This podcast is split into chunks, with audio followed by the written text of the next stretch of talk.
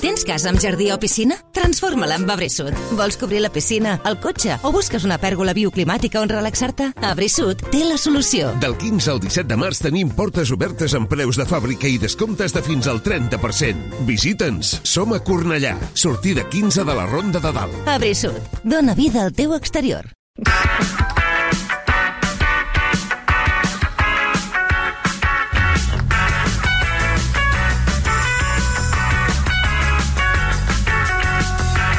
Que aquests micròfons a vegades... Eh, algun dia ens compte, jugaran una, una mala passada, eh? Sí, sí. Um, Candela Figueres, com estàs? Molt bé. Anna Priscila Magrinyà, tot bé? Tot bé, perfecte, i tant. A veure, no s'ha parlat prou. Avui comences tu, Candela. No, avui començo jo. Vai, sí. T'ho acabo de dir, t'ho acabo de dir fa dos segons, però si vols, si vols que comenci la candela. No, no és l'únic del que hem parlat, però sí que és una de les principals qüestions de les que hem parlat i discutit durant aquesta pausa i tens tota la raó, És que. Pris m'ha dit, no, "Vull perquè, jo", i Mira, doncs perquè ho tinc aquí al principi i ara m'he despistat amb això No que ha passa passat res, ara, no passa res. que gairebé se sent uh, per antena el que estàvem comentant, i m'he despistat. Ja va, eh, Vinga, va. Anna Priscila, comences tu. De què no s'ha parlat prou? A veure, avui s'ha parlat molt d'una cosa, que és que es compleixen 100 anys de la creació de Disney, s'ha Sí. dit a Tor i a dret, um, i jo voldria recuperar un concepte que potser no s'ha acabat de comentar avui, uh, l'origen, eh? Uh, potser ha sortit el nom, però no s'ha comentat l'origen d'això. A veure. Eres tú la dulce ilusión que yo soñé.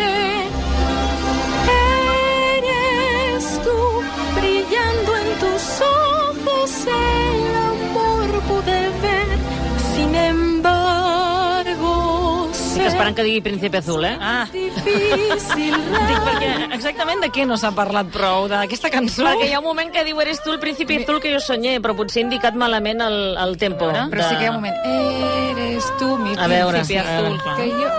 Ara potser farem tota la secció amb aquesta cançó Bueno, de fons. espera, espera. A veure. Ara, a veure. Més.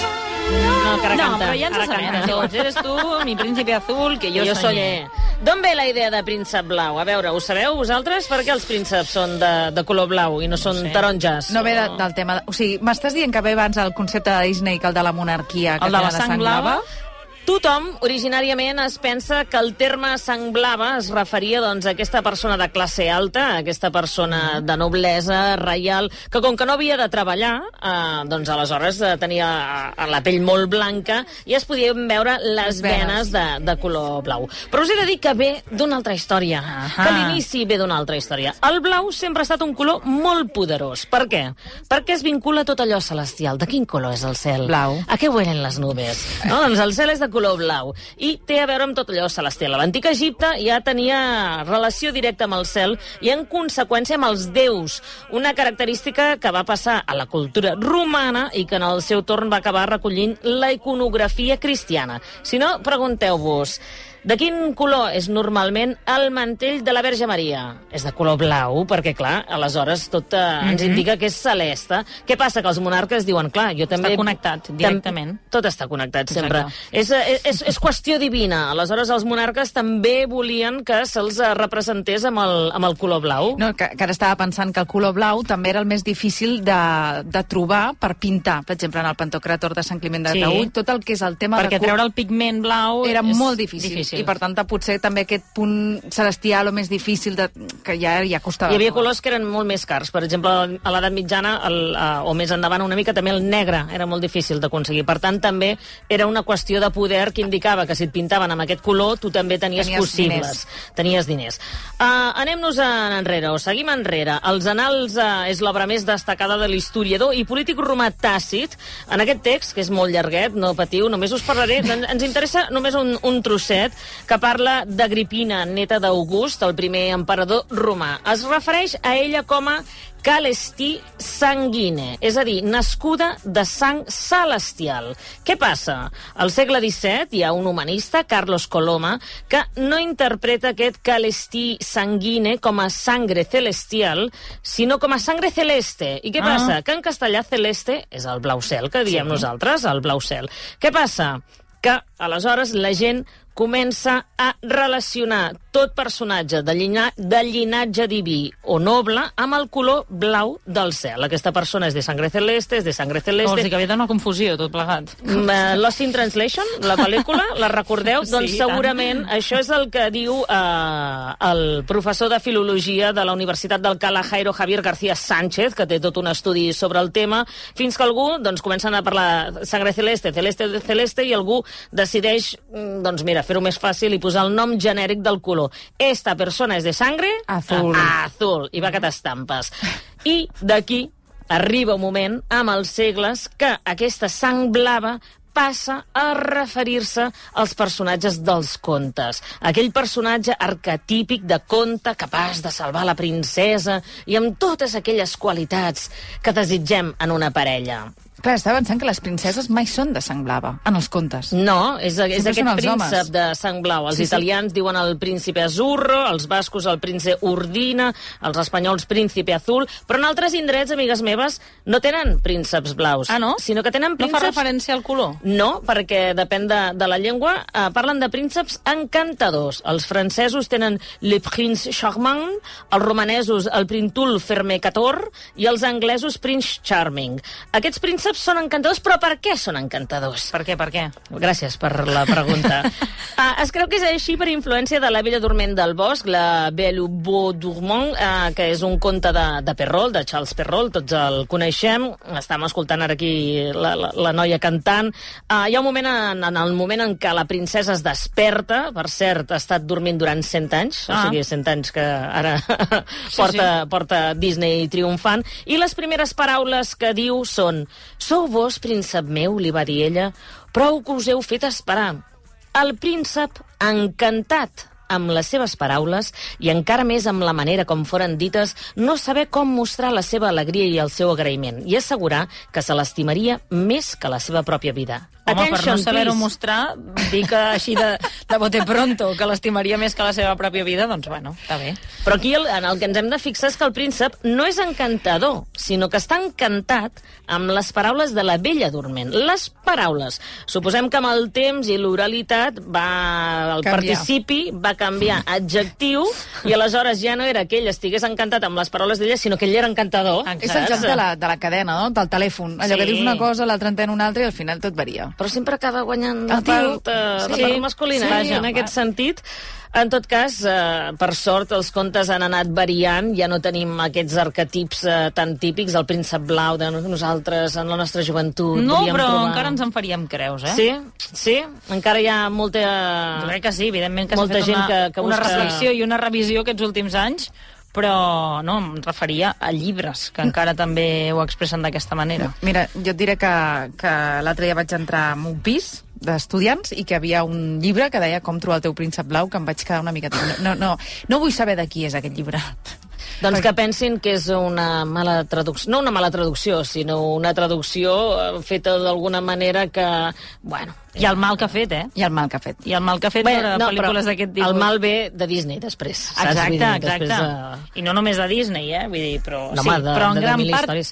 Sí. No, mira, Perrol eh, té molts contes que inicialment eh, eh, eren molt, molt, molt antics, evidentment, eh, segle XVII, que van anar variant amb el temps i és curiosa l'evolució que fan, perquè primer els contes, doncs, eh, l'home és el protector de la dona, després eh, treuen sexe perquè els contes siguin per nens i no per adults, afegeixen eh, violència perquè els nens els hi agraden més, mm. però sempre hi havia la figura aquesta de l'home amb la caputxeta vermella, primer les, eh, primer ella mor, després un home la salva i algú un dia es va inventar una caputxeta que no necessita ningú que la salvi.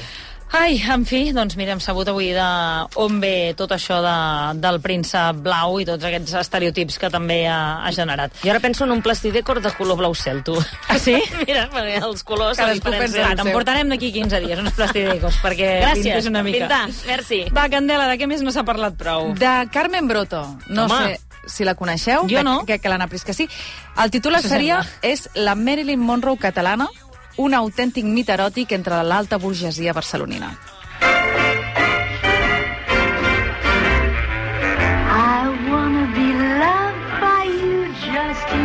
He de dir que en realitat era d'Aragó, d'acord, i que mai va intentar ser actriu, però sí que va ser coetània amb Marilyn Monroe i tenia una sensualitat que tornava bojos als homes i que fins i tot agradava a les dones, eh, com l'estrella de Hollywood. Eh, Us he posat una foto perquè la veieu, però veieu que va rossa, pintada a platí, que era guapa, mm -hmm. era alta, era esbelta, era molt bonica.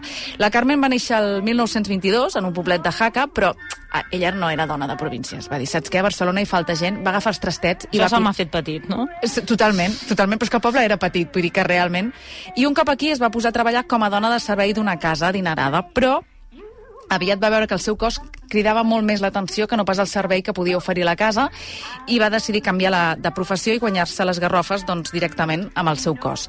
I us heu d'imaginar el que us deia, una dona alta, voluptuosa, atractiva, guapíssima, que tothom, per on passava, se la miraven.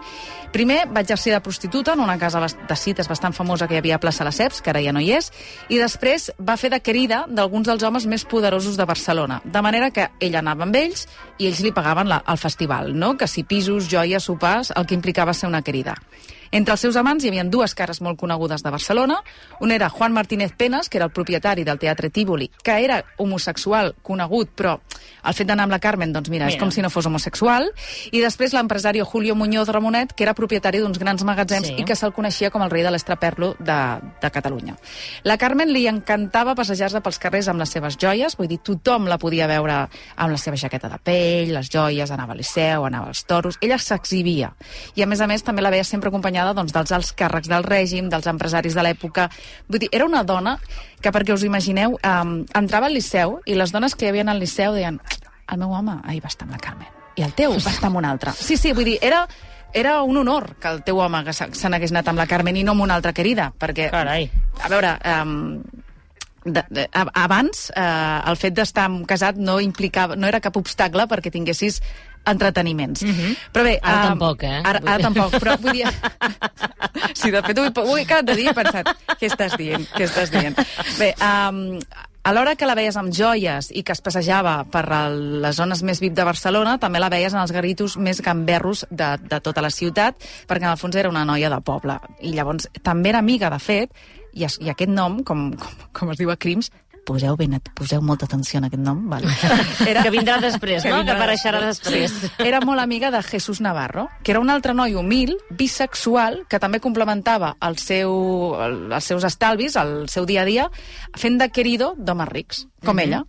Llavors, la figura de Carmen, eh, tot va canviar un 10 de gener de 1949. O sigui, fins aquí era lo más. Uh -huh. I a partir d'aquell dia es va començar a estroncar tot perquè van trobar el cadàver de la Carmen enterrat en un descampat del carrer Legalitat a Malegre de Dalt, al barri de Gràcia, Sí. embolicat amb el seu abric de pell i li havien robat totes les joies i tenia el cap rebentat. Llavors, tots els diaris van publicar la notícia perquè tothom coneixia la Carmen, però el que sobtava molt és, ostres, com ha mort i qui és? Perquè, o sigui, quan tu, vas, quan tu veus aquella dona, dius, ja sé qui és, ja sé sí. la querida de qui és.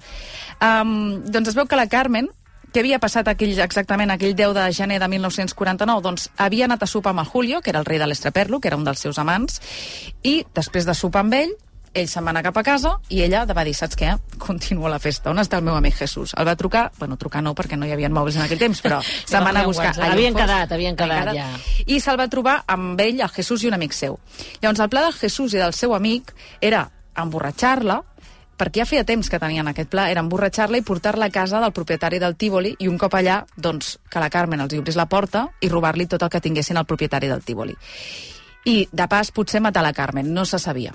Però el plan es va torçar molt abans, perquè després de diverses hores de veure i també de deixar-se veure per tots els bars de Barcelona, els dos amics van convèncer finalment a la Carmen de dir, mira, Carmen, estàs fatal, et portem cap a casa.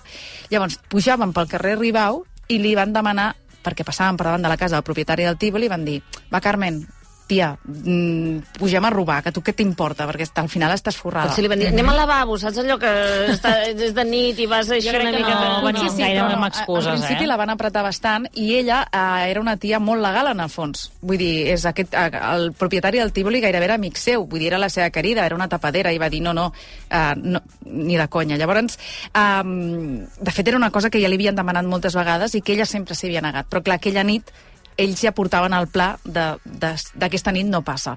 Llavors, la Carmen, tot i anar beguna, tot i anar beguda, va veure que alguna cosa no, no anava bé i va intentar saltar del cotxe, de dir, uf, aquests, aqu- eh, aquests d'amics... Acabarem malament, Acabarem sí. malament.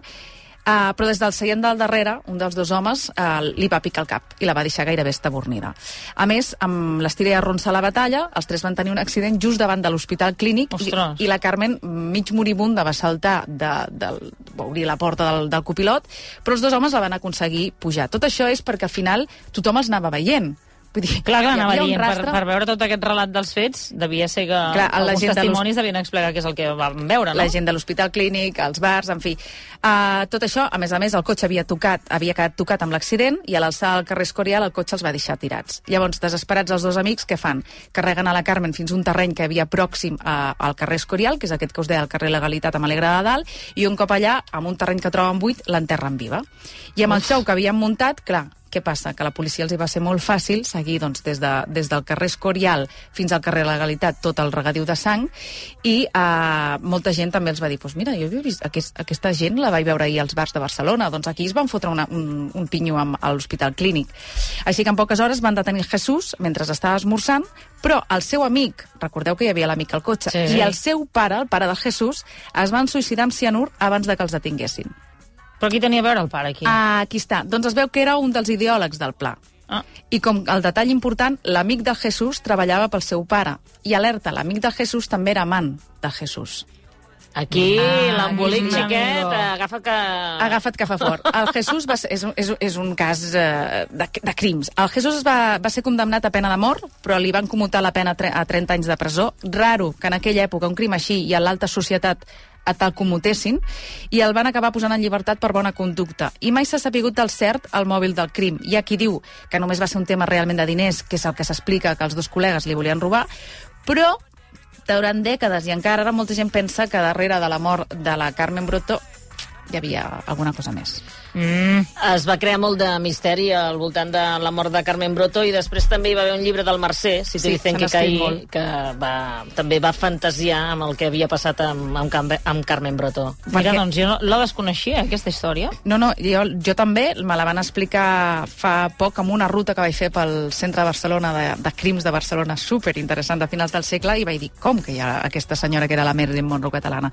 I clar, el que es diu moltíssim és que clar, ella eh, coneixia moltíssima, lle amb moltíssima gent, se n'havia anat al llit amb molts homes poderosos de la política franquista, fins i tot eclesiàstica, es deia que sabia secrets de l'Església i que, clar, eh, en algun moment devia amenaçar o devia insinuar que podia deixar en algun secret i abans de que deixés en algun secret se la van carregar, perquè en el fons no s'entén perquè els altres dos es van suïcidar amb cianur en el moment d'abans de detenir-los, si tampoc hi havia... El pare, per exemple, no hi havia proves de que Potser el pare els estigués van allà. suïcidar. Exacte. I que després un senyor eh, que havia matat a una tia molt coneguda, bueno, una senyora molt coneguda de, de, de l'època, eh, li commutessin la pena. També aquí és significatiu, no?, moltes vegades, i segurament en, a, en aquesta època, que hagin passat tants anys i que no se sàpiga ben bé quin va ser el mòbil, també demostra que potser la, la policia no tenia molt d'interès en esbrinar què és el que va passar, més venint d'una persona que suposo que socialment no estava gaire ben vista, no?, Però que es barrejava amb les altes Amb les esferes. altes Sí, esferes. es barrejava amb les altes esferes, però moltes vegades mm, gent que es considera que viu una mica al límit no? Mhm. del que seria el, El llindar. l'es- l'establert, doncs, home, doncs potser tampoc no hi destinaven tants recursos com haurien destinat si la persona que, que hagués mort doncs, fos, Fos una una altra altra. de la societat eh, barcelonina d'aquell moment, no? Totalment. Si teniu ganes de saber més de la Carmen Broto, només que feu un, cal que feu un Google, se'n va escriure moltíssim, La Vanguardia en va fer un seguiment, eh, El Caso també en va fer un seguiment, hi han pel·lícules, crec que se n'ha fet una pel·lícula fins i tot amb dos parts de televisió espanyola, és una figura que que és nostra, que és de Barcelonina, que és d'aquí, ja et dic la nostra Marilyn Monroe, perquè és que...